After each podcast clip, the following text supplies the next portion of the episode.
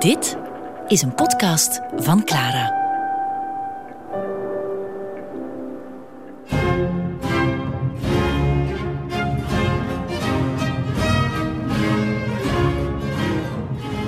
De Zonnekoning. Met Johan op de Beek.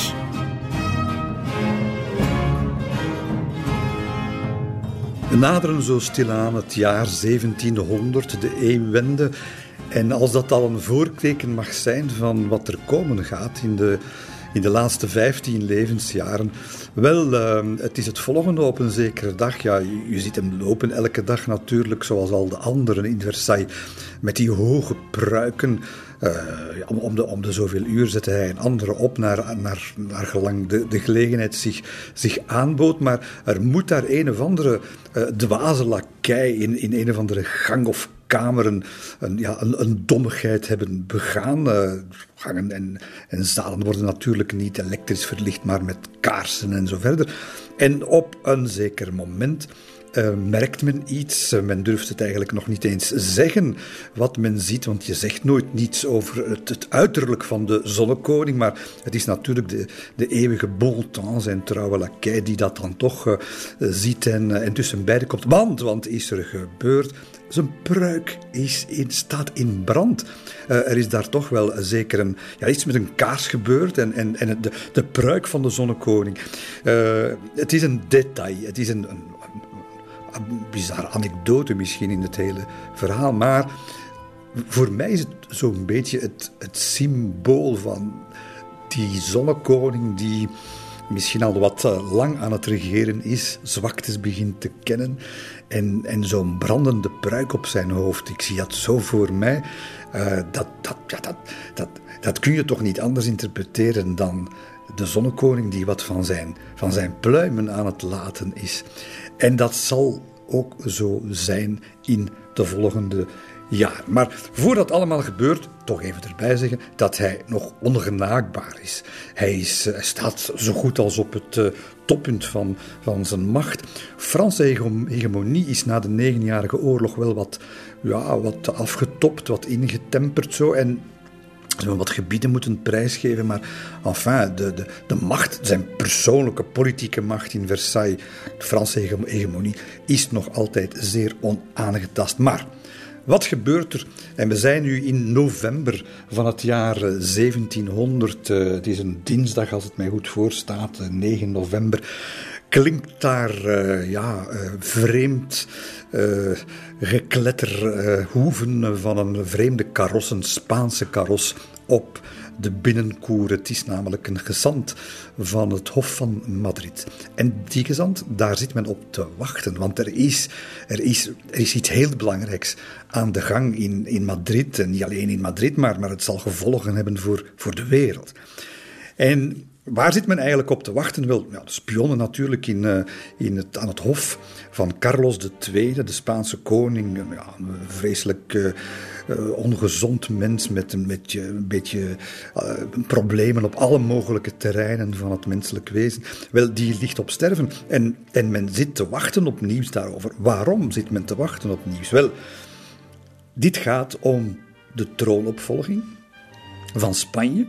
En en er is geen eigen troonopvolger. Carlos II was een onmachtig vorst op alle mogelijke vlakken en heeft geen troonopvolger. En ja, dan komen we terug in de juridische kwesties. Weet u nog lang geleden, Mazarin, zoveel jaar geleden, 40 jaar geleden, met dat uh, huwelijkscontract, als de Spaanse kroon geen bruidschat betaalt, ja, dan moeten ze maar hun kroon later afgeven als er geen opvolger is.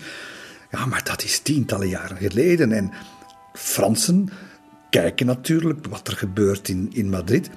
Maar ze moeten ook rekening houden met een heel andere partij, namelijk de andere tak van de Habsburgers in Wenen. Want daar, keizer Leopold, is natuurlijk ook met allerlei familiale connecties uh, aanspraakmakend op, uh, op, die Spaanse, op die Spaanse kroon. En, en de Spaanse kroon, laten we dat niet vergeten, dat, dat is onnoemelijk belangrijk voor het uh, economisch, het politiek, het militair evenwicht in de wereld.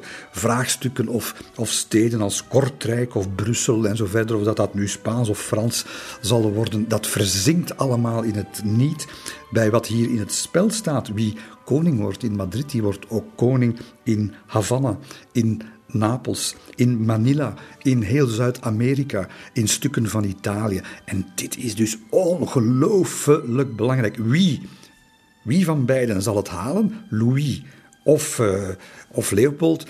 Wel, het, het, het, is in elk geval zo dat uh, wie het haalt, de anderen, alle anderen in Europa, zal reduceren tot een dwerg.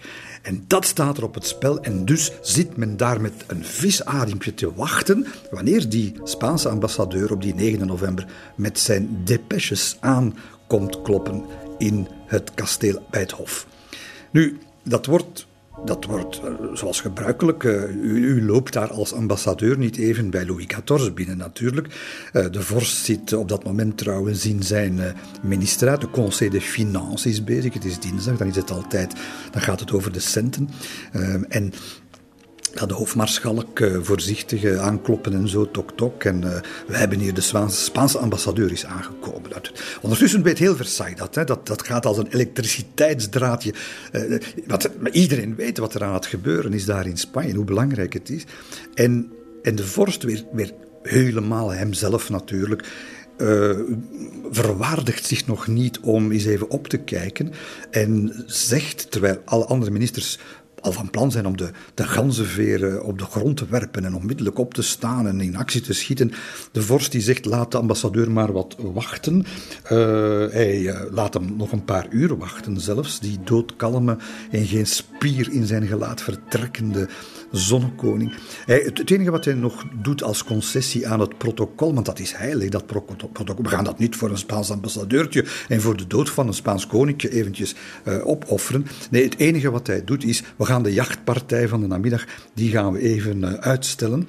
Uh, maar hij gaat wel gewoon naar de petit couvert, hij gaat gewoon middags eten met, het hele, met de hele ruimte, met de hele ceremonie, de rond en zo verder. Het, het, is, het, is, er is geen sprake van dat de services worden Nee, zes services, dat duurt weer anderhalf uur. Ondertussen staat heel dat hof in rep en roer. Staat die Spaanse ambassadeur daar met zijn perkamentje in de handen ergens in, in een gang te zweet. En de zonnekoning doet alsof er geen vuiltje aan de lucht is. Terwijl, terwijl hij natuurlijk weet dat nu heel in het begin van november, hier de 9e, de 10e november, dat hij een van de belangrijkste beslissingen uit zijn hele leven gaat moeten nemen.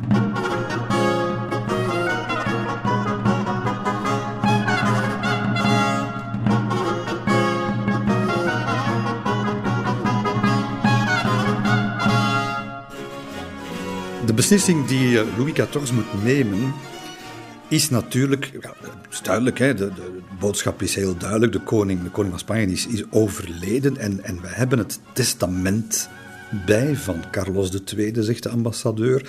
En de beslissing die Louis moet nemen is of hij wat er in dat testament staat wil en kan aanvaarden of niet. En hij zou natuurlijk niet de zonnekoning zijn als hij al lang weet wat er in dat testament staat. Ja, het is de paus die het hem gezegd heeft.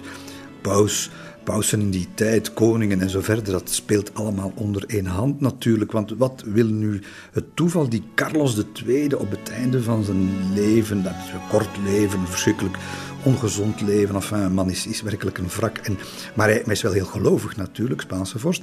En hij vraagt, hij, hij voelt dat er aan zijn, aan zijn land getrokken wordt. Hij wil samen met de, de Spaanse grandes, de Spaanse adel, wil hij, wil hij dat, dat grote het rijk van keizer Karel, waar de zon nooit ondergaat. Hij wil dat, hij wil dat niet zien verbrokkelen. Hij wil dat niet zien uiteenrukken, zoals bijvoorbeeld de Engelsen dat voorstellen. Geef een stukje aan Frankrijk, geef een stukje aan, uh, aan de Habsburgers in Wenen.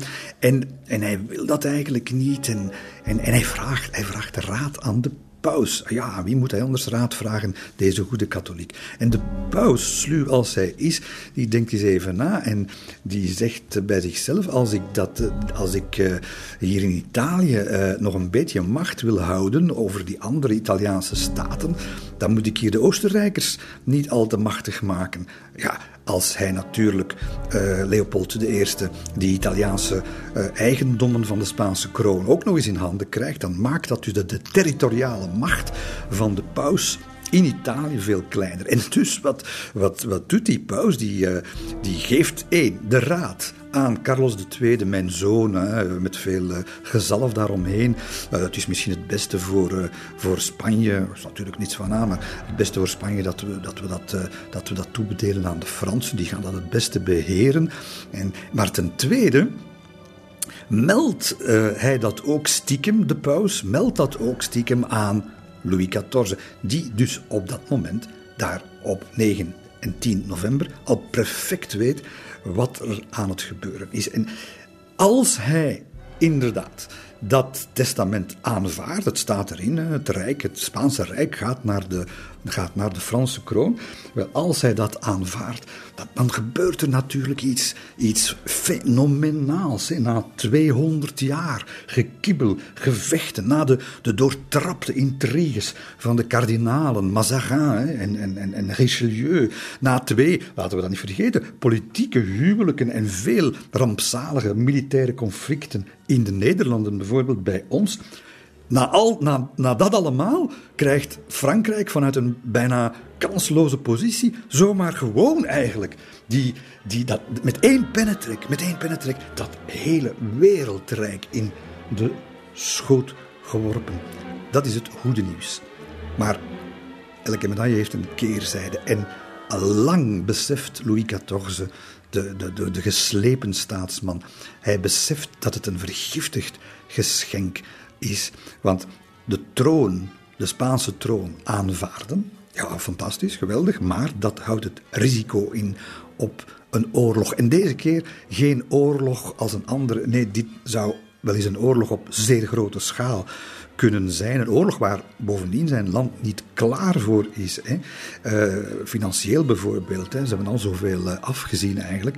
En dat aanvaarden houdt dus een geweldig risico in, maar het weigeren, dat is misschien nog erger. En het is de buitenlandminister Marquis de Torcy die hem dat ook letterlijk zegt. Dezelfde koerier die is gestuurd om het testament aan Frankrijk te bezorgen, zal vervolgens doorrijden naar Wenen en Spanje zal zonder aarzelen de tweede zoon van de keizer erkennen als koning. Het huis van Oostenrijk zal dan even machtig worden als Karel V ooit was een macht die Frankrijk bijna fataal is geworden. De volgende dag, 10 november, uh, roept uh, Louis zijn ministers bij elkaar. Overigens is daar, uh, zoals zeer vaak, Madame de Maintenon ook bij aanwezig. En, en ze beraadslagen uiteraard over deze bijzonder netelijke kwestie. En ze komen niet tot eensgezindheid.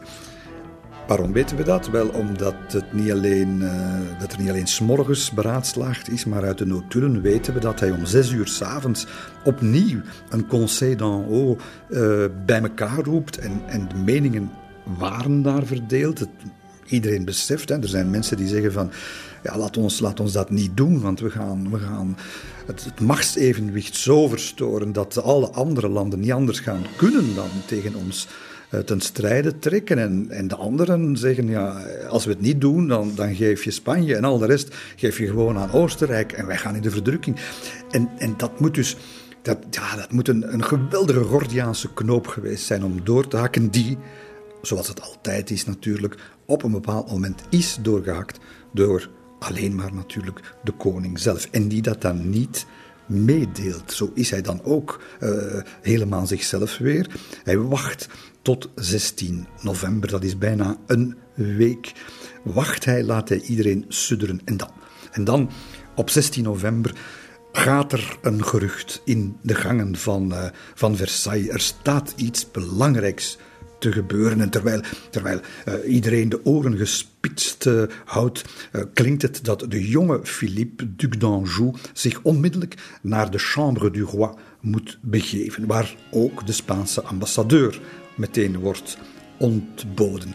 En we zien hem daar staan, Louis XIV, met de rechterhand op zijn staf en het linkerbeen voor het rechterbeen geplaatst. De, de zonnekoning in zijn, in zijn gekende houding. En hij zegt een paar dingen. We weten niet wat precies, want die deuren waren toen nog dicht. Enkele minuten later gaan de deuren van de Salon de l'Œil de Boeuf open. Ja, ze gaan naar de Galerie des Classes, waar natuurlijk een verwachtingsvolle spanning hangt. En uh, daar zien we dan de Duc d'Anjou binnenkomen. Dus een jongen van, van 17 jaar. Hè. Met zijn broer staat hij daar. En zijn vader, Monseigneur, de zoon van de zonnekoning. En dan schrijdt de zonnekoning zelf binnen. Iedereen buigt. En hij spreekt vier woorden. Hij zegt, en hij wijst naar de jonge Duc d'Anjou. Hij zegt, voici le nouveau roi d'Espagne. De nieuwe Spaanse koning. Een siddering gaat door de menigte. Hij heeft het aanvaard. Hij heeft het, natuurlijk niet zelf, dat kan niet, maar hij heeft het, uh, Spaanse Rijk aan zijn kleinzoon gegeven. En hij wendt zich dan naar die kleinzoon en zegt van, kijk, vanaf nu bent u Filip de Vijfde. Wees een goede Spanjaard. Maar vergeet nooit dat u een Fransman bent. En draag er zorg voor dat de Unie tussen onze beide landen bewaard blijft. Zo zult u beide volkeren gelukkig maken en zal de vrede in Europa bewaard blijven.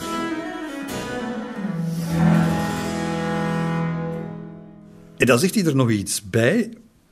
Dus dit is, dit politiek staatkundig wat hij tot nu toe gezegd heeft. Maar zijn laatste woorden zijn veel betekenend. Zijn laatste woorden zijn. C'est l'ordre du ciel. C'est l'ordre du ciel. En in die laatste, dat handvolletje woorden, ligt veel meer verscholen dan men op het eerste zicht zou denken. Uh, Louis, Louis is niet alleen meer een, een toppoliticus. Louis is langzaam verpopt, ontpopt tot een kruisvader die staatsaanvaarding van, uh, van, van Spanje, die troonsaanvaarding, dat is niet alleen een politieke zaak voor hem, maar dat is er ook een van het allerhoogste religieuze belang. Sinds die oorlog met Willem van Oranje, de, de Hugenoten en zo verder, de crisis in Frankrijk rond, rond de kerk, wel, het is eigenlijk zijn niet vergeten, hij is 62. Hè. Hoe lang zal hij nog leven? Hij weet het niet, niemand weet het. Maar het, het is een beetje, denk ik, zijn laatste grote droom. Uh, geweest om, om de kampioen te zijn van het katholicisme, om de kampioen te zijn van de contra-reformatie, de koning van het land dat eindelijk het protestantisme en alle andere ketterijen kan afwenden. En dat gaat hij natuurlijk kunnen doen door die innige vereniging met Spanje. Dus het is zeker en vast machtsevenwicht, machtspolitiek, uh, politieke strategie uh, op wereldschaal. Maar het is ook die diepe overtuiging bij Louis. Hij is hier op de wereld geplaatst als koning van het grootste rijk dat, ja, dat de moderne tijd gekend heeft, met een opdracht van God. En die opdracht is het ware geloof doen zegevieren.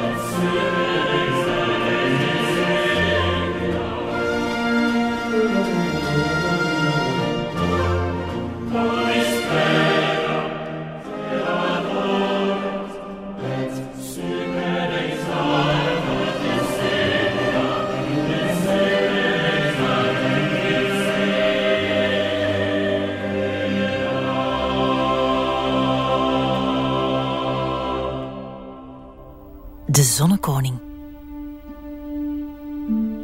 Het is niet het enige wat, uh, wat telt in dat uh, moeilijke beslissingsproces rond de, de aanvaarding van de Spaanse troon. Want hij toont zich uh, die dag, wanneer dus bekend wordt dat de kleinzoon, de jonge kleinzoon wordt, die daar de kroon op zijn hoofd moet dragen uiteindelijk. Want het is niet van mogen, maar van moeten. Uh, maar Louis toont zich die dag ook van een andere kant. En hij zal zich meer bepaald als, als vader ook tonen. Vader van Monseigneur, dus de troonopvolger, die, die zelf zijn zoon, de Duc d'Anjou, die, die jongen van 17 jaar, ziet vertrekken naar Spanje. Uh, het, hij moet vertrekken naar Spanje en dat heeft, uh, dat heeft erin gehakt. En hij weet dat, Louis. Hij weet dat hij daar zowel zijn zoon als zijn kleinzoon iets, iets vraagt. Dat, dat, dat oneindig moeilijk gaat zijn. En er zijn, ja, we weten dat van, van, van de getuigen die, daar, die daarbij waren, dat er diepe emoties op het gezicht van vader en zoon te lezen waren. Hè. Dus van Louis en, en Monseigneur. Een, een harde noot is daar gekraakt. En je, je, je, moet, je moet je dat inbeelden. Hij is 62 jaar, de zonnekoning, maar hij herinnert zich nog altijd zeer goed natuurlijk. Hoe hij zelf als vijfjarig jongetje die kroon op het hoofd kreeg, uh, dan als dertienjarige eigenlijk echt vorst werd en in heel moeilijke, bijna onmogelijke omstandigheden uh, is opgegroeid en het land moest leiden. En hij vraagt nu nagenoeg hetzelfde aan zijn kleinzoon, die eenzame knaap, die ja, wel wat met Franse entourage natuurlijk naar de troon wordt gestuurd van, van een vreemd land. Een troon die het knooppunt is van een mondiale crisis. Dus hij weet dat natuurlijk, hij beseft dat zeer goed en hij, ja, hij gaat diepe gesprekken moeten aangaan met zijn zoon en met zijn kleinzoon om, uh, om hen, uh, ja, te tonen dat hij geen onmens is en dat hij dat begrijpt. Maar dat er nu eenmaal zoiets is, en dat is weer die rode draad in zijn leven. Het uh, privébelang gaat, uh, gaat altijd ondergeschikt blijven aan la raison d'État. Maar la raison d'État gaat hem ook tot iets anders brengen. Hij zal die kleinzoon, die Philippe d'Anjou, hij zal die niet laten vertrekken. Zonder dat hij hem instructies gaat meegeven Instructies die de zonnekoning met eigen inkt zal schrijven, met eigen hand op het perkament zal zetten. De, de instructies lezen echt als een, een raadgeving, maar niet alleen dat. We, het is bijna een, ja, een, een politieke handleiding, zoals alleen zo'n zo'n rijkelijk ervaren zonnekoning die toen had kunnen schrijven. En dus wat daar ook interessant aan is, is dat ze uh, die instructies die we nog altijd kunnen lezen, dat die ook een heel duidelijk licht werpen op zijn denkwereld, op de wereld van de laatste 15 jaar van zijn bewind. En we lezen op 3 december te Versailles Instruction de Louis XIV au duc d'Anjou.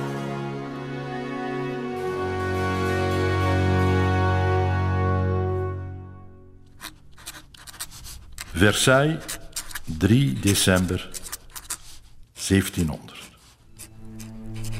Vervul steeds elke van uw plichten in de eerste plaats ten aanzien van God. Behoud de zuiverheid die u in uw opvoeding hebt meegekregen. Hecht u aan niemand. Heb uw echtgenote lief. Leef goed met haar samen en vraag God u een vrouw te schenken die bij u past. Ik denk niet dat het aangeraden is dat u met een Oostenrijkse zou trouwen. Hoed u voor vleiers. Verlaat u op degene die u uit goede bedoelingen het wagen om u tegen te spreken. Dat zijn uw ware vrienden. Houd het welzijn van uw onderdanen voor ogen. In dat opzicht dient u oorlog te vermijden, tenzij u ertoe gedwongen wordt. En u er goed over hebt nagedacht en gedebatteerd in uw ministerraad. Tracht uw financiën weer op orde te krijgen. Let goed op de Indische kolonies en de vloot. Draag zorg voor de handel. Als het tot een oorlog komt, plaats u zelf dan aan het hoofd van het leger. Zorg dat uw legersterkte weer op peil komt in de eerste plaats in Vlaanderen.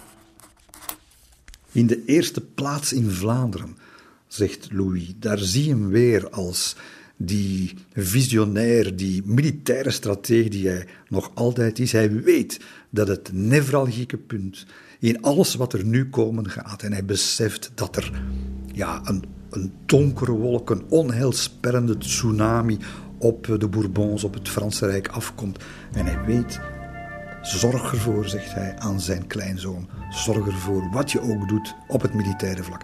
Zorg ervoor dat we Vlaanderen niet kwijtgeraken. Laat nooit het plezier voorrang krijgen op het werk. Maar zorg dat u een soort werkregeling heeft die u op vaste tijdstippen vrijheid schenkt en toelaat u te ontspannen. Volg met de grootste aandacht de vraagstukken die men u voorlegt. Luister veel in het begin en beslis niet te snel. Wanneer u meer ervaring krijgt, herinner u dan dat u degene bent die beslist. Maar hoe ervaren u ook mogen worden, luister altijd naar de raad en de redeneringen van uw ministers, alvorens een beslissing te nemen. Doe al het mogelijke om de belangrijkste personen goed te doorgronden, zodat u ze zo goed mogelijk kunt gebruiken. Behandel een ieder met goedheid. Spreek geen kwaad over mensen. Maar zorg wel dat u verdienstelijke en kwalitatieve mensen onderscheidt. Behandel uw bedienden goed, maar word niet familiair met hen en laat ze u niet beïnvloeden. Laat ze voor u werken zolang ze deugdzaam blijven, maar bij de minste fout dient u zich van hen te ontdoen. Steun hen niet als ze ruzie hebben met Spanjaarden.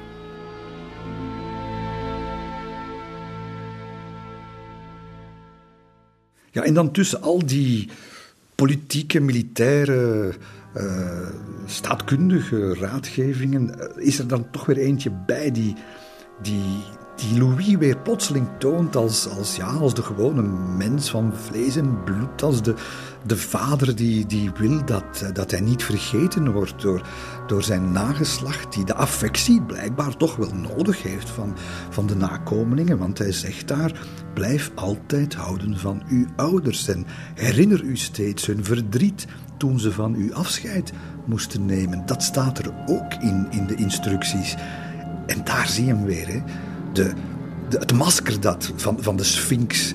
De, het brons dat er even afvalt. De, de zon die eventjes uh, aarzelt. Uh, waar sta ik in het leven? En, en, en dat staat in die instructies. En ik, ik moet zeggen, dat is een van mijn favoriete zinnen uit die fameuze instructies aan de kleinzoon. Blijf altijd houden van uw ouders. Herinner u steeds hun verdriet toen ze van u afscheid moesten nemen. Vermijd het zoveel mogelijk om gunsten te verlenen aan lui die u daarvoor willen betalen. Verleen ze doelgericht en uit eigen beweging en aanvaard nooit geschenken, tenzij het om prulletjes gaat. Als u het niet kunt vermijden ze te aanvaarden, geef de schenker dan enkele dagen later een nog aanzienlijker geschenk. Zorg dat u een eigen koffer hebt om uw documenten te bewaren, waarvan u als enige de sleutel heeft. Ik eindig met een van de belangrijkste raadgevingen die ik u kan toevertrouwen. Laat u nooit lijden. Wees de meester. Heb geen voorkeur voor een bepaalde minister of een eerste minister. Luister. Raadpleeg uw raad, maar beslis alleen. God, die u koning gemaakt heeft, zal u de nodige verlichting schenken, zolang uw bedoelingen maar goed zijn. Getekend Louis.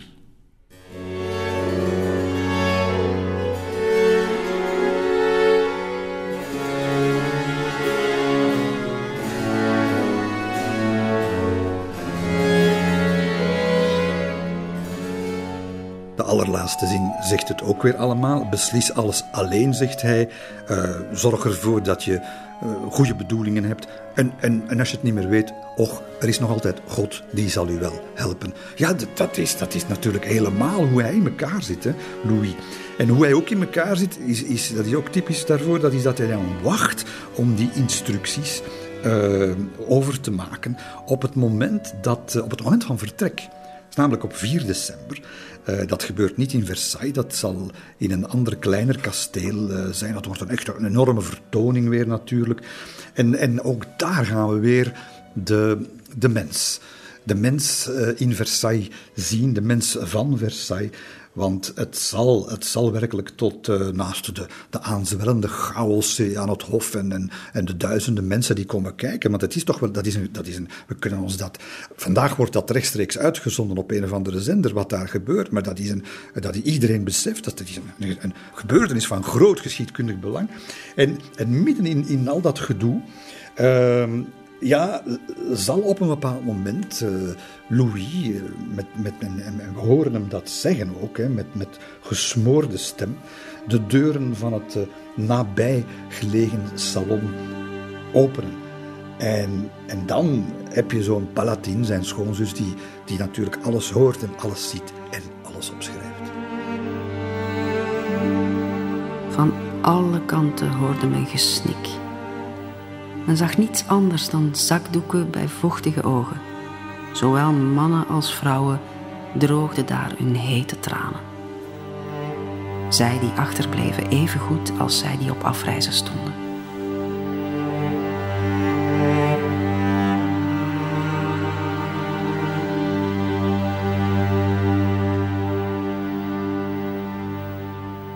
En dus te midden van die grote emotionaliteit maakt hij, zoals je hem dat altijd ziet doen, met een kleine handbeweging, amper een centimeter is dat natuurlijk bij hem, maakt hij duidelijk aan eh, Philippe d'Anjou, zijn kleinzoon, dat hij hem voor mag gaan in dat salon. De deuren gaan toe.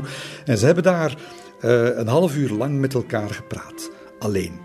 De 62-jarige zonnekoning en zijn 17-jarige nakomeling. Wat is daar verteld? We weten het niet en we weten het een klein beetje, want Louis zal later aan een aantal intimi vertellen dat hij heel ontroerd is geweest. Dat hij eigenlijk nauwelijks maar een paar woorden heeft kunnen, uh, kunnen uitbrengen. Enfin. En, en, maar dat hij wel op dat moment dus, hè, dat, uh, dat ze daar onder zijn tweeën zich, ja, en, en elkaar, elkaar de waarheid zeggen. En, en waarschijnlijk ook dat daar diepe gevoelens zullen naar boven gekomen zijn. Op dat moment gaat hij hem, hij gaat niet veel kunnen zeggen, hè, dat heeft hij zelf verteld, maar hij gaat hem op dat moment wel de instruction uh, ter hand stellen. En hij zal hem zeggen aan zijn kleinzoon dat hij daarmee de vruchten van zijn lange leven als vorst toevertrouwt. En, en ja, het zijn een paar pagina's maar, die instructions, maar het is wel de kennis die verzameld is in meer dan 45 jaar absolutisme. De knepen van het vak, de trucs, de technieken van de zonnekoning, allemaal op gebalde wijze neergeschreven en klaargemaakt voor gebruik daar in het vijandige Spanje. En hij zegt aan Filip, hij fluistert hem toe: God weet dat u het nodig zal. En wanneer die, dat intiem moment eh, voorbij, eh, voorbij is en men terug eh, in de openbaarheid komt, in de, onder de ogen van het hof. En natuurlijk staan daar ook de ouders van, van die jongen, staat daar de, de broer van Louis, monsieur, staat daar madame, dus la palatine, en, en rode ogen en gesnik. En, en men, men, men, ja, men houdt zijn emoties eigenlijk echt niet, echt niet binnen hoor. Er is nog een avondeten gepland en dan, en dan rijdt de karos van de nieuwe Spaanse koning weg in zuidelijke richting. Men doet dat uitgeleiden en men ziet ze daar allemaal op het bordes staan van dat kasteel van Sceaux. En daar heeft zich ook nog, net voor hij in die koets stapt, een uh, uiterste zeldzaamheid uh, voorgedaan. Uh, totaal, totaal tegen het protocol. Helemaal niet zichzelf. tegen alle gebruiken in gaat Louis, de zonnekoning, op die kleinzoon van hem af. En hij slaat zijn armen om Filip. En hij weent. Hij laat zijn tranen de vrije loop. En La Palatine heeft dat, heeft dat mooi beschreven. Zij, zij zegt dat ook. De, rest, de rest van het gezelschap staat er versteen bij. Ja, en voor men het beseft, daar gaat hij. Uh, de karos van de nieuwe jonge Spaanse koning die in de stofwolken het kasteel en de kastela achter zich laat.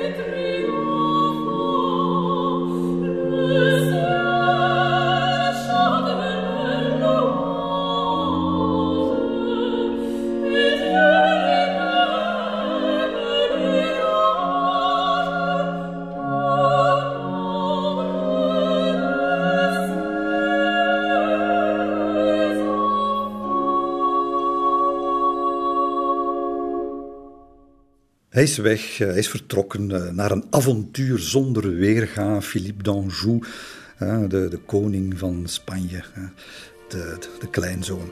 En de band tussen de grootvader en de kleinzoon, die zal in de aanvangsmaanden en, en jaren, enfin, dat, dat tussen, tussen Felipe de in het, in het Spaans, dat zal een zeer innige band blijven. Die emotie die is, er, die is er nog heel, heel lang.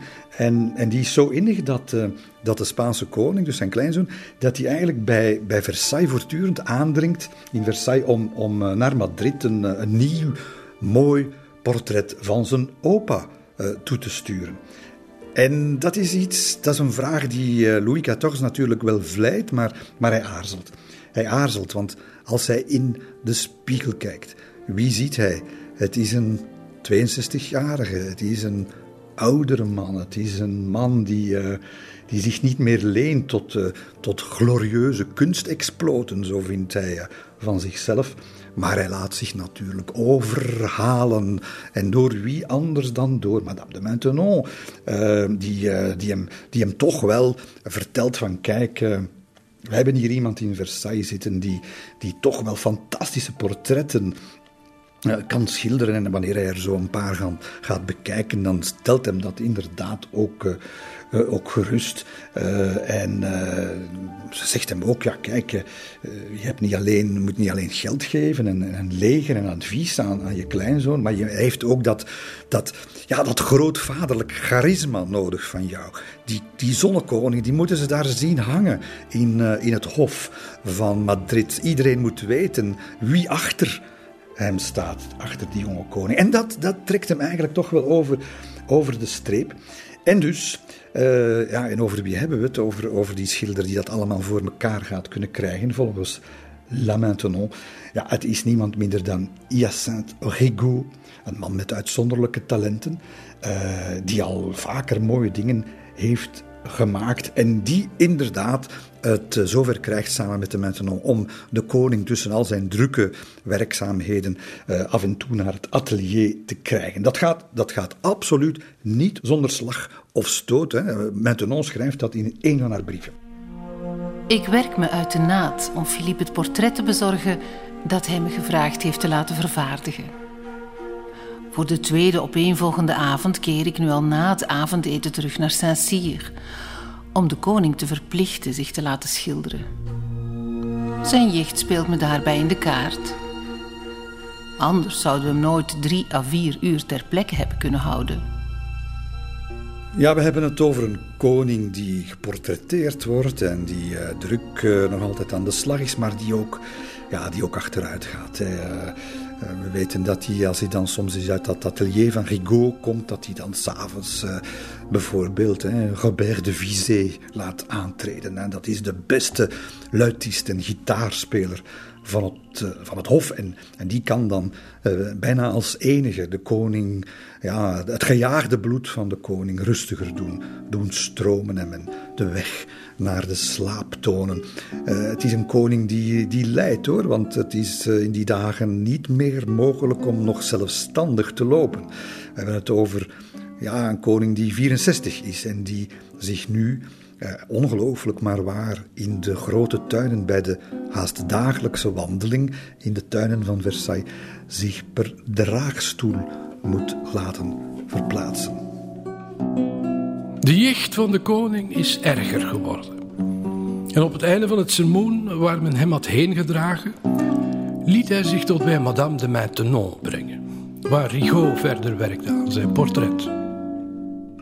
Het zal uiteindelijk op 19 januari 1702 zijn dat uh, Rigaud heeft uh, ja, bijna anderhalf jaar gewerkt eraan, eindelijk het doek van dat schilderij laat vallen. Het is af en het zal getoond worden. En het wordt, wanneer dat op die schildersezel in het uh, appartement van Madame de Maintenon wordt getoond, het wordt algemeen gezien als een meesterwerk. Een meesterwerk dat Gico tot in de eeuwen beroemd gaat maken. We kennen het allemaal. Het is het meest bekende, beroemde, wereldberoemde statieportret van de staande zonnekoning. En alles wat, wat dit schilderij bevat, dat, dat straalt uit wat hij eigenlijk al zijn hele, zijn hele leven heeft willen belichamen.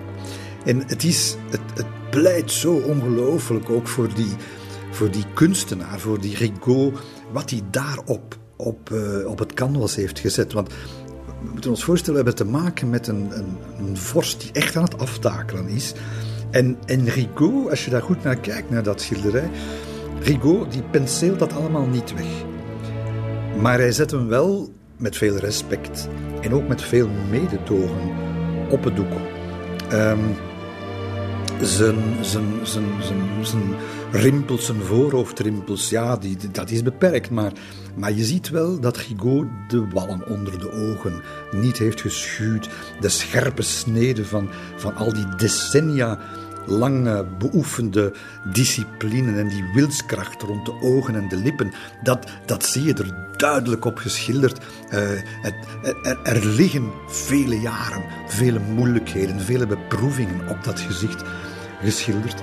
En toch weten we dat de vorst er in het echt veel minder nog uh, goed bijliep en gelukkig bijliep dan Rigaud, ondanks al zijn eerlijkheid toch wel, doet voorkomen. Dat de koning letterlijk geen tand meer in de mond heeft. Je kunt het nog net veronderstellen, want als je goed kijkt, zie je wel dat die mond niet normaal staat, dat hij wat afhangt. Maar natuurlijk, geen enkel teken in dat prachtige schilderij wijst op de vreselijke pijnen die hij al jaren lijdt aan de talrijke niersteden. Tientallen heeft hij er moeten uitwateren. Niets zegt dat schilderij over de maag- en darmpatiënt die hij is, die 18 keer naar het toilet moet gaan, soms twee of drie keer op een maaltijd, die, uh, ja, die vaak hoest, keelontstekingen heeft, slapeloos is. En dan natuurlijk die ondraaglijke uh, pijnscheuten van, van de jicht moet, moet, moet, moet ondergaan. En het doet allemaal niks af van dat werk van Rigaud, vind ik, want het, het, het is zo sterk en het is ook eigenlijk, je kunt niet anders dan veronderstellen dat de zonnekoning zelf, wanneer hij daar in 1702 zichzelf ziet, levensgroot zullen we maar zeggen, uh, op, dat, uh, op dat doek van Rigaud, dat hij dan al weet dat dit het portret der portretten gaat worden. Dit is het beeld, dit is de uitstraling die de tijd gaat trotseren. En dat is ook zo. Hè. Als u, als u doe gelijk welke website open of, of een boekje over Louis, dan is het dat portret van Rigaud dat je, dat je zal zien. Waarom? Omdat het, ja, het, zegt ons iets over die figuur, over die man. En ja, we kunnen dan eens uh, wat flauw doen over die hermelijnen mantel en de pruik en zo verder. Maar, maar als, je, als je eerlijk bent, als je eerlijk bent, dan kijkt die man dwars door de eeuwen naar je toe. En ja, laten we maar zeggen, Rico is daar nu ook niet bepaald armer van geworden, want Louis vindt het portret zo fantastisch. Dat hij daar. Hij, wil, hij wil om te beginnen. Het is een portret dat hij laat schilderen voor zijn kleinzoon in Madrid. Maar niks van. Die kleinzoon krijgt een kopie. Het portret zelf moet in Versailles blijven hangen. Zo mooi vindt hij het, zo goed vindt hij het, zo, zo eeuwig vooral vindt hij, denk ik. Ik denk dat het niet zo zijn een kwestie van, van pure schilderkunst was, van schoonheid was voor hem, maar dat, dat Rigaud echt gevat heeft wat hij was, wie hij was.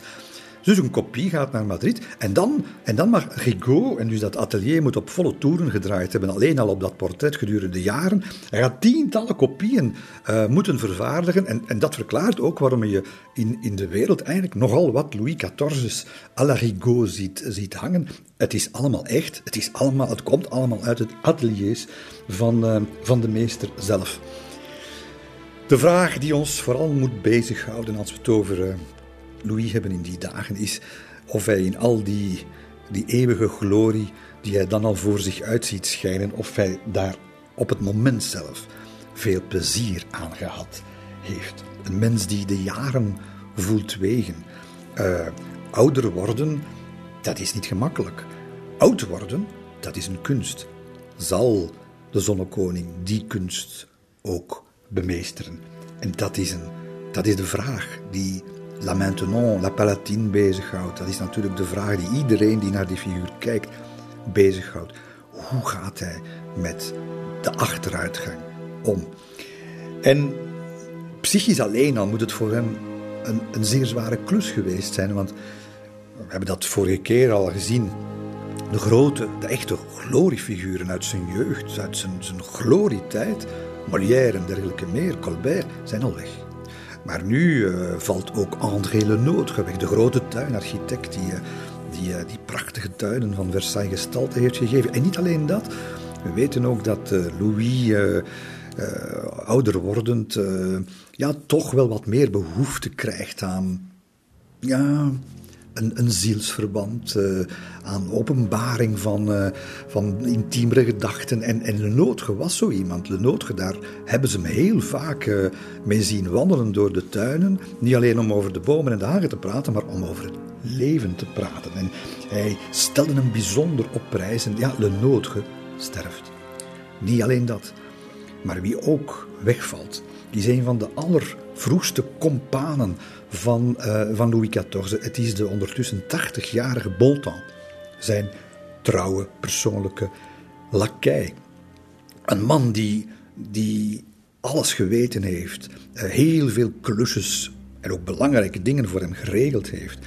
Een man die, een geharde hoveling, maar, maar ook iemand die, die op de meest moeilijke momenten waarschijnlijk uh, zijn vorst bediend heeft, niet alleen als lakij, maar ook als vriend, durf ik te zeggen. En ook die valt weg. En dan, allemaal in diezelfde periode, zal op een dag in het appartement van de Maintenon dokter Fagon binnenkomen met slecht nieuws, want het gaat niet goed met Monseigneur. Het gaat niet goed met de dauphin, de troonopvolger. En men vindt hem op het bed uh, roerloos. Hij is getroffen door een beroerte. En onder de ogen van, van, van, van de verbouwereerde vader Louis XIV moet Fagon, de dokter, een, een aderlating toedienen. Dat is daar een drama van je welste. Maar wat moet die man gedacht hebben als, als hij, hij... Hij is iedereen kwijt. Hij raakt nu misschien ook zijn zoon kwijt. En Monseigneur zal het nog overleven, even.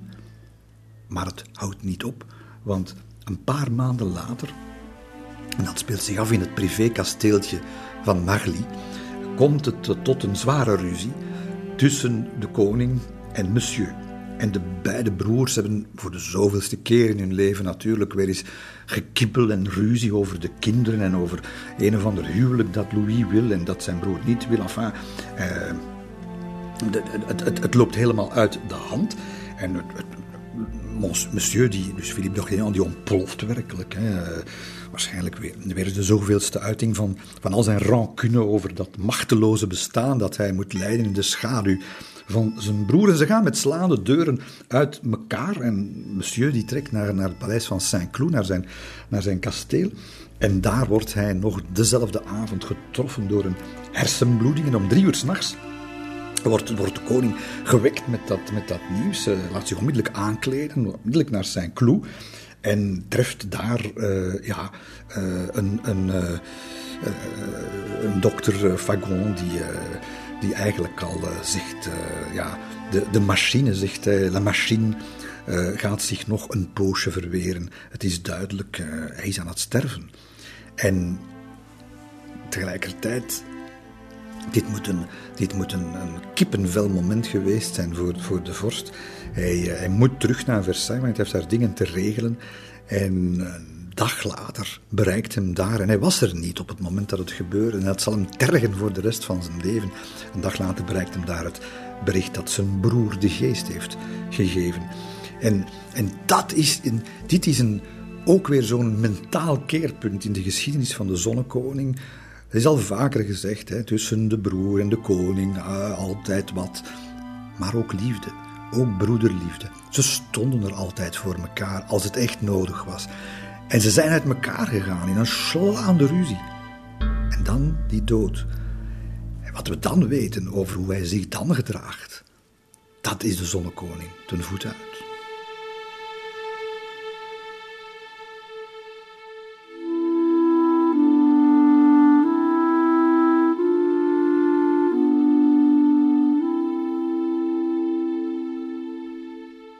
Met het heengaan van Monsieur is de laatste band doorgeknipt met de kinderjaren van de zonnekoning. De allerlaatste figuur is, is, is weg en al de herinneringen zijn nu naar het graf verwezen. En Madame de Maintenon ziet hem zitten uh, zoals ze hem nog nooit gezien heeft. Hè. Uh, troosteloos, perplex in die rode zetel, helemaal weggezakt. Een verkruimelde oude man is hij plotseling geworden, helemaal alleen in zijn gedachten. En uh, de Maintenon gaat beslissen dat, dat het eten die dag niet zoals protocolair voorgeschreven, de petit couvert, zal, zal plaatsvinden. Maar dat ze dat onder hun beiden gaan, gaan nuttigen in haar appartement. En dan plotseling, dan plotseling klinkt het vanuit die rode zetel, jamais. En hij gaat staan. En, en daar niks meer te bespeuren van die verkruimelde, neergeslagen grijsaard. Daar staat een man op die een rijk te lijden heeft, die de orde moet doen respecteren, die geen mens als een ander zoals hij dat altijd zei, kan zijn. Het leven moet doorgaan. Het rijk moet doorgaan. En dus, ondanks dat, dat onnoemelijke verdriet dat van hem af te lezen valt, gaat die middag het, eh, de etiketten, het gaat allemaal gewoon door. Petit couvert. Uh, hij vraagt s'avonds uh, dat er een kaartspel wordt georganiseerd. Hij gaat meespelen met dat kaartspel. En ja, de boodschap is duidelijk. De, de dood is iets wat je te aanvaarden hebt. Maar de dood is iets waaraan het leven, en zeker het leven van een koning, zich nooit mag onderwerpen. Hij heeft het geleerd van Mazarin. Eh, en, en hij zal dat credo in dit uiterste moment van, van, van beproeving nakomen. En ik denk dat geen enkel vuurwerk of geen enkel schouwtoneel de hovelingen van Versailles op die rampspoedige dag ja, meer hadden kunnen overdonderen dan het waardige gedrag, de conduite, zoals men zei, van hun vorst.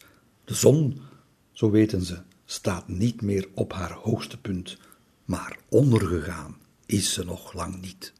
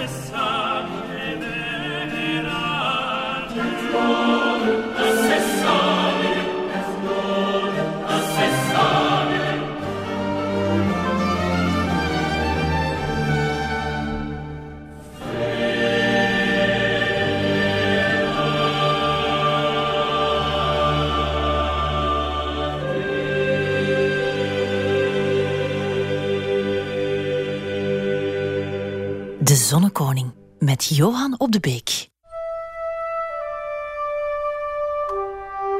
Hoe droevig hij ook is, ja, hoeveel staatsman hij ook blijft. Want we weten, de persoonlijke problemen, dat mag in geen geval in de weg komen te staan van, eh, van zijn verheven taak. En die is niet alleen verheven, maar die is ook zeer moeilijk aan het worden.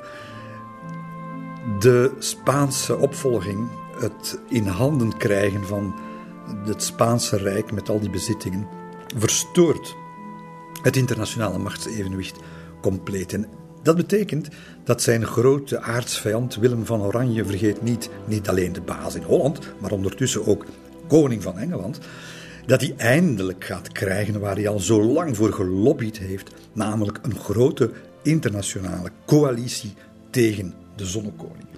Want iedereen beseft natuurlijk dat al die macht in handen van Louis, ofschoon hij daar nooit blijk van heeft gegeven, geen enkel woord heeft over gezegd, er is geen snippertje papier dat dat bewijst, maar men verdenkt hem ervan dat hij pan-Europese uh, ambities koestert, de koning van, van het continent wil worden en, en dat kan men niet laten gebeuren. En het zal, uh, het zal in 1701 al zijn, een, amper een jaar na de troonsbestijging van, uh, van de Duc d'Anjou in Madrid, dat het, dat het begint. En het zal, pas, het zal pas 13 jaar later eindigen. En dit worden heel moeilijke jaren. Met zo'n Louis XIV die ja, tegenover de jonge garde toch wel staat hè, in Europa. Uh, wat heeft hij nog te bewijzen, zou je je kunnen afvragen. Hij staat op het, op het van macht en glorie. Hij heeft van Versailles gemaakt wat hij er had willen van maken. Heeft de natuur bedwongen, net zoals hij de adel en de hugenoten heeft bedwongen als hij hè, op, uh, voor, voor, zijn, voor zijn raam staat en vanuit, vanuit de Galerie des Glaces uh, zijn blik laat rusten op de Grand Canal en op de labyrinthen en de fonteinen en de standbeelden. Het is allemaal ontsproten aan zijn brein. Nergens ter wereld is dit te zien. Wat kan of moet deze man nog bewijzen aan de wereld? Ja, niet zoveel. En dat is wat men ook in Versailles denkt. Met deze koning kunnen we de toekomst met vertrouwen tegemoet zien. Alleen zijn er misschien een paar verlichte geesten bij die toch wel denken, en terecht denken, dat de tijden veranderd zijn en dat er mag gevreesd worden voor de toekomst. Het zal bijvoorbeeld sommigen wel door het hoofd zijn gegaan dat Louis XIV uh, die oerkracht van vroeger, die wiens aanwezigheid op het slagveld op zijn wit paard en zijn gouden, zijn gouden uh, harnas, die aanwezigheid alleen, dat, dat, dat, dat, dat elektrificeerde natuurlijk dat Franse leger. Hij is er niet meer. Hij is er niet meer bij. Uh, de, de, de vorst is, is, is ver voorbij de 60 nu. Zijn lichaam uh, raakt stilletjes aan uh, krap in de kleren. En al dat zittende leven dat hij leidt, het eist zijn en wie zegt dat? Ja, zijn zelf al niet zo magere schoonzus La Palatine. Le roi se laisse aller. Hij is dik en oogt oud. Het lijkt wel of Sa Majesté is gekrompen. Zijn gezicht is veranderd. Men herkent hem nog nauwelijks. Elke dag komt er een rimpel bij. Ja, dat zegt dus La Palatine, die, uh, die zelf ondertussen zo vierkant als een dobbelsteen is. Hè, dat zegt ze zelf. Nog steeds boezemt die zonnekoning nog altijd evenveel respect in als voorheen. Zijn gezag staat ook niet ter discussie. Maar men kan er niet omheen. Dat bewind van hem, dat begint nu toch wel heel lang te duren. Hij is, uh, hij is bijna overgrootvader. En hij wordt uh, ook niet meer omringd door de grote talenten van de beginjaren, maar door nieuwlichters van wie men de maat eigenlijk nog niet heeft kunnen nemen. En dat betekent dat hij, ja, dat hij toch wel soms wat tekenen van verzwakking begint te vertonen. Hij bekeek de zaken van te grote afstand met ogen die vermoeid waren en die sinds lang gewend waren om slechts rijkdom en welvaart te zien. En dan is er nog het Franse leger, waarover men zich ook de vraag had kunnen stellen of het nog zo strijdbaar was als vroeger. Uh, dat leger kent alvast één belangrijke handicap. Hè. Als het op oorlog aanvoeren aankomt, ja, dan, dan is dat niet meer met de koning. Dat is, dat is een, een, een terugslag, want hij leidt hij leidt nog wel de zaken zoals hij alles wil blijven leiden, maar niet meer van op het slagveld. Wel vanuit de vertrekken, de, de warme vertrekken van Madame de Maintenon. Het duurt soms een week, wat zeg ik, het duurt soms twee weken voor hij uh, een, een, bericht eh, naar, naar een van de fronten uh, gestuurd krijgt. Ja, dat, dat leidt natuurlijk niet tot zeer grote slagvaardigheid. Officiersfuncties, nog zoiets. Uh, weg zijn de grote leiders, de Turgens, de, de Condés, ze, zijn gestorven. En officiersfuncties die worden verkocht. Hè? Dus je, je bent een edelman en je koopt een officiersfunctie. Niet omdat je goed bent in oorlogvoering, maar omdat je geld op tafel legt waarmee de, uh, de staatskas kan gespijsd worden. Hier is ook geen Louvois meer, de oorlogsminister die gestorven is, om het kaf van het koren te scheiden. En en dan is er wel een jonge garde, maar die jonge garde, de jonge garde van het militaire geweld in Europa, zit niet meer in Frankrijk. Enfin, is te zeggen, we hebben bijvoorbeeld te maken met een eh, jonge, veelbelovende militair, Eugène de Savoie, die eigenlijk aan het Franse Hof thuis hoort, maar door allerlei geruzie, onder meer met de zonnekoning, het, het, uh, daar weggetrokken is en nu voor de Oostenrijkers de dienst uitmaakt. En je hebt ook te maken met nog een andere figuur. Er komt vanuit Engeland, nu eindelijk is een, groot militair leider, want in het jaar 1702 zal de koningin, want Willem is ondertussen overleden, koningin Anna, die gaat het opperbevel van de Engelse strijdkrachten. De top stelt nog niet zoveel voor, ook omdat ze slecht geleid werden. Maar die gaat nu het opperbevel toevertrouwen aan ene John Churchill. En dat wordt later de hertog van Marlborough. En die hertog van Marlborough, ook een, een jonge, nieuw lichter, die eigenlijk nog nooit een leger geleid heeft, die gaat in datzelfde jaar Vlaanderen binnentrekken en daar de Fransen het ene lesje na het andere leren. Bovendien zullen zowel Eugène de Savoie, die dus voor de Oostenrijkers, we maar zeggen, de opperbevelhebber is, en Marlborough voor het Engelsen, die gaan een, een soort van, van jonge denktank uh, samenstellen, als je dat zo wil zeggen, uh, die vaak gaan samenkomen, meestal in Den Haag trouwens, met Hollanders. En het zijn de nieuwe Hollandse leiders, raadspensionaris Anthony Heinsius en François Vagel, de, de griffier van de Staten-Generaal. En dat kwartet gaat eigenlijk in de volgende maanden en jaren een, een ja, een, nieuw soort denken, een ja, frisse manier van aanpakken, uh, stellen tegenover dat decennia lange beproefde systeem, militaire systeem ook, van, van de Fransen. En dat gaat zijn sporen nalaten. Het gaat zijn sporen nalaten op allerlei vlakken, om te beginnen bij ons in de zuidelijke Nederlanden. Uh, het gaat uh, in, de, in de volgende jaren vaak hier uitgevochten worden. Uh, in uh, in Gamilly bijvoorbeeld, nabij Jodogne. In Oudenaarde zal er zwaar gevochten worden.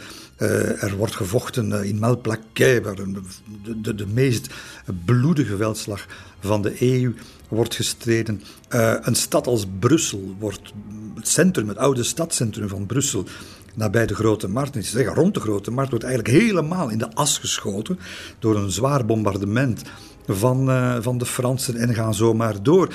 Dus het zijn nare tijden, maar het zijn ook nare tijden omdat uh, in 1704 uh, die, die hertog van Marlborough in, in, de, in de lente overgaat tot een van de sluwste militaire manoeuvres uit de geschiedenis, de militaire geschiedenis van die tijd. Moet je dat voorstellen? Ze zitten eigenlijk allemaal op een, op een, op een voorschootje. Hè? Uh, de, de, de Hollanders, ondertussen een sterk leger hoor, 120.000 man, hè? Dat, is, is nooit gebeurd. Uh, de, en de Engelsen, de Fransen aan de, aan de grens, uh, maar allemaal hè, rond de zuidelijke Nederlanden. En dan eigenlijk in geheim overleg met Eugène de Savoie en, en de Hollanders gaat Marlborough eigenlijk zijn troepen eh, naar het oosten, naar het zuidoosten wegtrekken, omdat hij daar eigenlijk vermoedt dat de Fransen een poging aan het doen zijn om samen met Beieren, dat is een bondgenoot, om Wenen aan te vallen. En hij, slaagt erin om eigenlijk via schijnmanoeuvres daar helemaal uh, uit dat Franse vizier te blijven. Slaagt er ook in om het zuiden van Duitsland te bereiken. En de helemaal ontredderde Franse strijdmachten, die, die een beetje in, in, in halve slagorde en vooral slecht geleid door Maarschalk Tallard, eh, een klasse minder natuurlijk, tweede klasse in vergelijking met wat vroeger zo'n zo'n bijvoorbeeld was.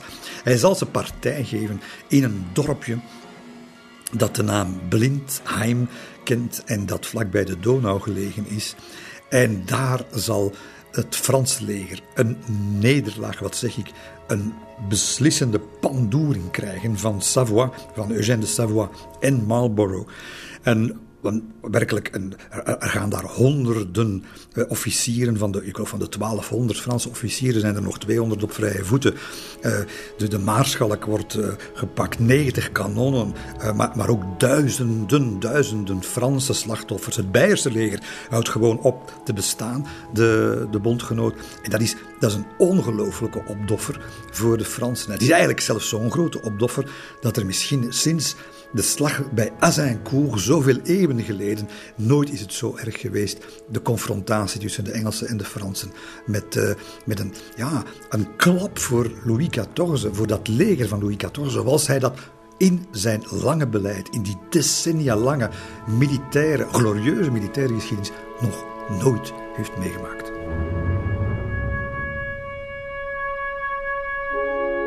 De geallieerde overwinning en vooral de overwinning uiteindelijk van Marlborough, is zo beslissend eigenlijk. En dat wordt ook zo erkend in Londen, dat de kroon, de koningin, hem een cadeautje gaat doen. En dat cadeautje, dat kunt u nog altijd gaan bewonderen. En ik raad het u ten zeerste aan. Uh, dat is een, een, een paleis, een grandioos paleis, dat op een uitgestrekt landgoed in Oxfordshire zal worden gebouwd. Uh, en, en, en dat wordt een, pareltje van de Engelse paleisarchitectuur. En dat wordt Blenheim Palace. Ja, de Engelsen hadden het wat moeilijke vocaal met Blindheim, dus hebben ze er maar Blenheim van gemaakt. Maar echt waar, dat is, uh, ik zeggen, het kleine Versailles, maar het is zeker de moeite om eens te gaan kijken hoe ook de Engelsen hun paleizen wisten op te trekken en vooral wisten vol te stouwen met geplunderde Griekse en Romeinse kunst. In Versailles Daarentegen, dat was andere koek. Men durft, men waagt het niet om aan de koning, de ouder wordende koning, te gaan vertellen hoe erg het wel geweest is. Talaar daar in, uh, in, in, in Blindheim. Twaalf opeenvolgende slechte beslissingen genomen. Een complete catastrofe. Maar dat is niet het enige. Het leger. Het leger is vernietigd. En, en niemand durft het hem gaan zeggen. En het is uiteindelijk, het is uiteindelijk uh, Madame de Maintenon die die kieze taak op zich gaat nemen en op de haar gekende ingetogen wijze een papiertje waarop de, de, de oorlogsminister zo een paar snelle berekeningen heeft uh, neergepend. Ja, en, dat, en dat papiertje gaat geven waarop de naakte waarheid te lezen staat. En ja, hij verliest er zijn spraak van. Hij zal de volgende uren ook niks meer zeggen. Louis, het is de meest catastrofale uh, militaire nederlaag in, in 60 jaar die hij leidt. Uh, en, en, de koning is natuurlijk voldoende vertrouwd met de krijgskunst en met de, de geopolitieke strategie om te beseffen dat er hier iets gekanteld is.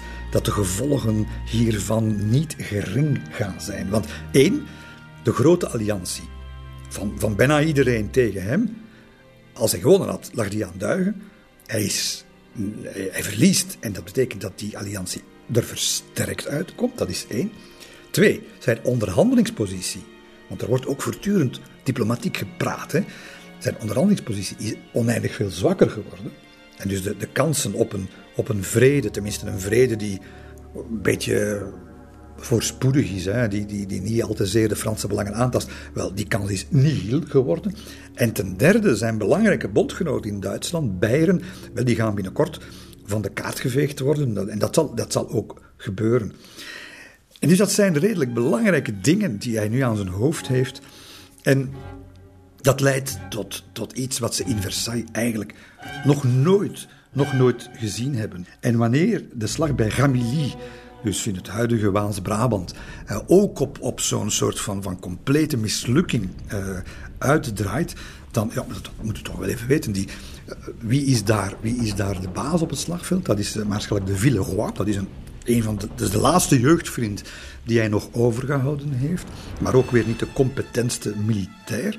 En wanneer, wanneer de, de Villeroy daar dus op zijn, op zijn dak heeft gekregen, opnieuw van Marlborough, daar in de vlakte van, uh, van Ramilly, dan, dan, dan, dan weet men in Versailles eigenlijk dagenlang niet wat er gebeurd is. Dus Villeroy die durft gewoon niks schrijven. Die, die, die, die, die, gaat dus die gaat onderduiken die gaat, hij zal uiteindelijk, Louis zal uiteindelijk een van zijn ministers naar, naar Vlaanderen moeten sturen om daar te gaan uitzoeken. Ten eerste, waar is het leger? Ten tweede, waar is Villeroy? En ten derde, wat, heeft hij nu, wat, wat is daar nu eigenlijk gebeurd?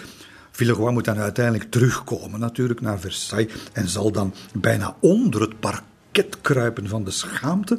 Uh, men verwacht daar, terwijl hè, de, de hooghartige uh, verwachten dat uh, daar ongelooflijk en ongenadig zal neergeklopt worden met, met banbliksems van de zonnekoning gebeurt daar eigenlijk iets totaal, totaal anders. Want wat hoort men Louis zeggen? Vergeet niet, het zijn jeugdvrienden en Louis wordt ouder en Louis heeft een connectie nodig met die glorie jeugd van hem. En, en dus in plaats van die man daaruit te kafferen en te vernederen in en plein publiek, zegt hij dus gewoon tegen die Villeroy, de prutser, hij zegt eigenlijk, ach mijn beste, worden er geen van beiden jonger op, niet waar? En, en, en het is afgelopen. Ja, hij neemt hem zijn commando af, maar, maar, maar het had veel erger kunnen zijn natuurlijk. En Villeroy... Uh, licht geneigd tot zelfmedelijden, zullen we maar zeggen, die man. Die, die verkondigt dan daarna: voortaan zal ik geen gelukkige dag meer kennen in mijn leven, behalve mijn sterfdag. Ja, uh, het zal wel zijn. Onze ongenadige pen eh, van Saint-Simon, die had het ook allemaal gezien. Die doet er nog een schepje bovenop en die zegt: de Villeroy dwaalt door de gangen van het paleis als een versleten luchtballon die zo pas is leeggelopen.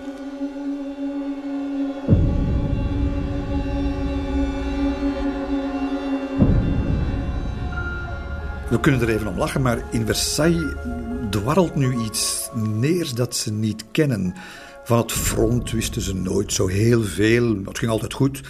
Eh, maar nu uh, is het anders. Uh, er komen uh, mensen terug, zonen van, van edelen, naar, naar huis zonder benen, zonder armen of helemaal niet.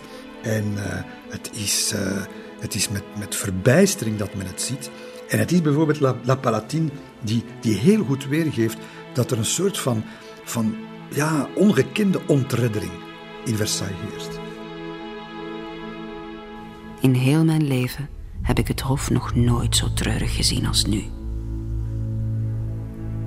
Niemand durft zijn mond nog open te doen. En elke dag krijgen we hier slecht nieuws te horen. Troost, dat hebben we hier nodig. Want sinds ik 35 jaar geleden naar Frankrijk ben verhuisd, zijn de tijden nog nooit zo ongelukkig geweest. Terwijl het dus op de slagvelden altijd maar slechter begint te gaan, doet Louis XIV in Versailles alsof er geen veldje aan de lucht is. Elk spoor van crisis doet hij verdampen. En het is, we hebben het al gezegd, het is een geweldige acteur. Hij weet hoe belangrijk politieke communicatie is. Als het slecht gaat, moet je vooral niet tonen dat het slecht gaat natuurlijk. En dat doet hij wanneer hij bijvoorbeeld 1 januari 1707 uh, gaat hij het voltallige, zoals dat gebruikelijk is, het voltallige corps diplomatiek ontvangen. En, en hij gedraagt zich daar als het, als het vlees geworden optimisme. Hè. Terwijl zijn, zijn lichaam gepijnigd is door al die ziektes die hij moet torsen. En, en zijn geest toch vooral moet bezig zijn met wat, wat gebeurt er allemaal rond, rond mij. Zegt hij zo in, in de Galerie des Glaces, waar iedereen natuurlijk naar elk woord dat uit de vorstelijke mond komt uh, nadrukkelijk luistert, zegt hij, zegt hij tegen uh, de Spaanse ambassadeur: Monsieur, wat gaan de zaken toch goed voor ons? Heeft de koning uh, alle voeling met de realiteit verloren? Wel nee, de show must go on. Maar geprivilegeerde ooggetuigen, die die zien andere dingen en die weten dat er in hun vorst veel verborgen leed schuilt. S'avonds dineer ik met de koning. We zijn met vijf tot zes mensen aan tafel. Iedereen werkt zijn eten naar binnen en niemand zegt een woord. Het lijkt wel een klooster. Hooguit fluistert men een paar woorden tegen zijn buur.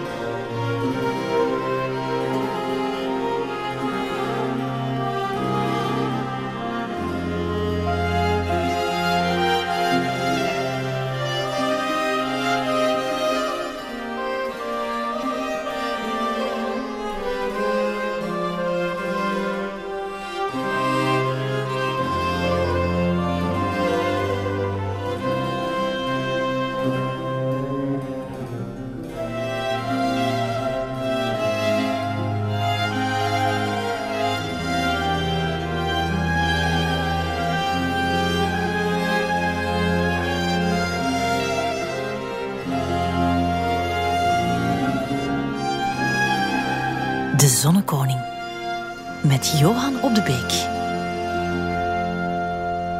Het is een sphinx geweest altijd en, en hij zal een sphinx blijven, maar op sommige momenten gaat het beeld van de Sphinx breken. En dat moment, dat kunnen we nadrukkelijk benoemen. Het is 28 mei 1708 en hij maakt zich te midden van de hovelingen klaar voor een zoveelste jachtpartij, als daar een zwetende koerier op hem afkomt met een overlijdensbericht. En het, uh, ja, het, is, het is amper twee uh, maanden geleden dat, uh, dat hij Vauban verloren heeft, dus de, de grote ingenieur. Al de anderen heeft hij verloren, maar, maar dat heeft allemaal pijn gedaan. Maar wat krijgt hij nu in zijn handen? Over wie gaat het hier? En hij, hij begint en neemt dat briefje van die, van, die, van die koerier in zijn hand. Hij doet dat open en hij leest met luider stem. Zal hij dat misschien achteraf beklaagd hebben, want wat leest hij? Heden 28 mei is in onze kerk het stoffelijk overschot opgebaard van madame. En dan, en dan zien ze hem stilvallen. Zijn stem stokt. Er, er is een mondhoek die vertrekt. Je ziet dat elke spier in dat gelaat zich moet opspannen om sphinx te blijven. Maar het is heel moeilijk, want hij herpakt zich en dan komt het eruit. Madame de Montespan. Men hoort een speld vallen. Niemand durft zich een millimeter verroeren. Athénaïs, de Montespan, de gouden tijd, is weg. Een tijd waarin de zon nooit leek onder te gaan. Verdwenen. En daar staat hij dan, met de strenge contouren van Versailles in de achtergrond, omringd door velen, maar helemaal alleen. En hij, opnieuw, hij aarzelt en, stapt toch verder, want die, die wandeling moet, moet doorgaan. Dat is een hoofdknikje dat je nauwelijks merkt. Ze gaan het park in. Maar wat moet hij gevoeld hebben? De show must go maar wat moet hij gevoeld hebben tussen de metershoge hagen en de klaterende fonteinen bij al die verborgen bospartijtjes en de geheime grotten waar hij met zijn Athénaïs al die fantastische, romantische herdersuurtjes heeft beleefd. En wat weet ik nog allemaal? Dat onaardse, feestelijke verleden, het is weg. Hij staat daar, zijn verleden is weg. En wie hem nog omringt buiten Madame de Maintenon, het zijn mensen die zich bezonnigen aan kuiperijen, jaloerse intriges, eh, ook intriges tegen tegen zijn beleid. Mensen die zitten te wachten eigenlijk tot hij verdwijnt. Hij weet het en hij vracht het. Maar hij is onverzettelijk.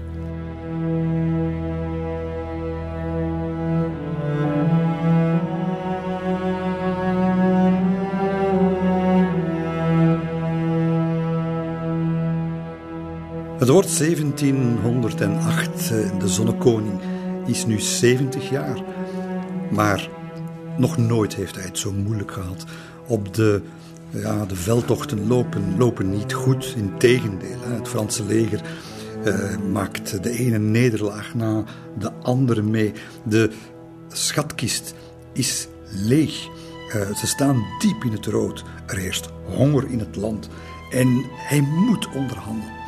Hij moet onderhandelen en stuk gemokerd eigenlijk door, door radeloosheid, gaat hij, uh, gaat hij niet anders kunnen dan, uh, dan onderhandelaars naar Den Haag sturen.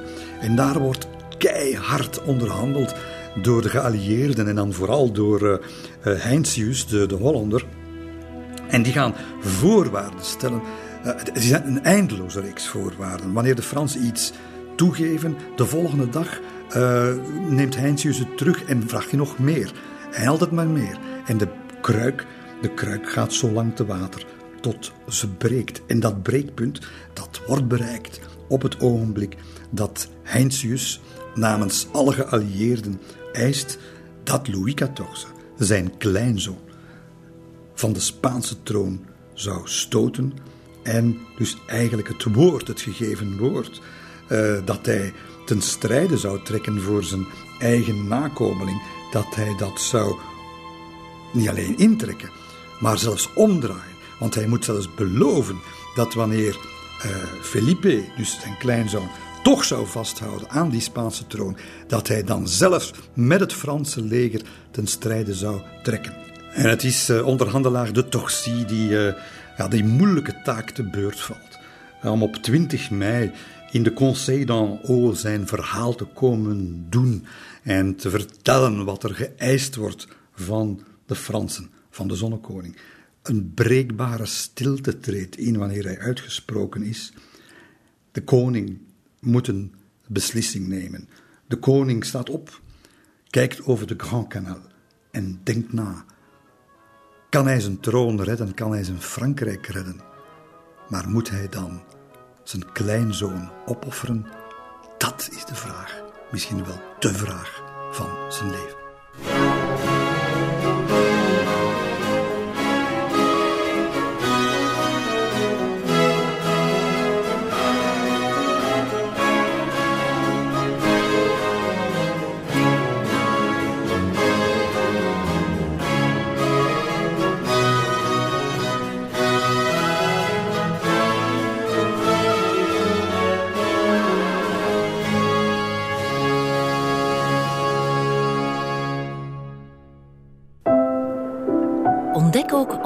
Podcasts via clara.be.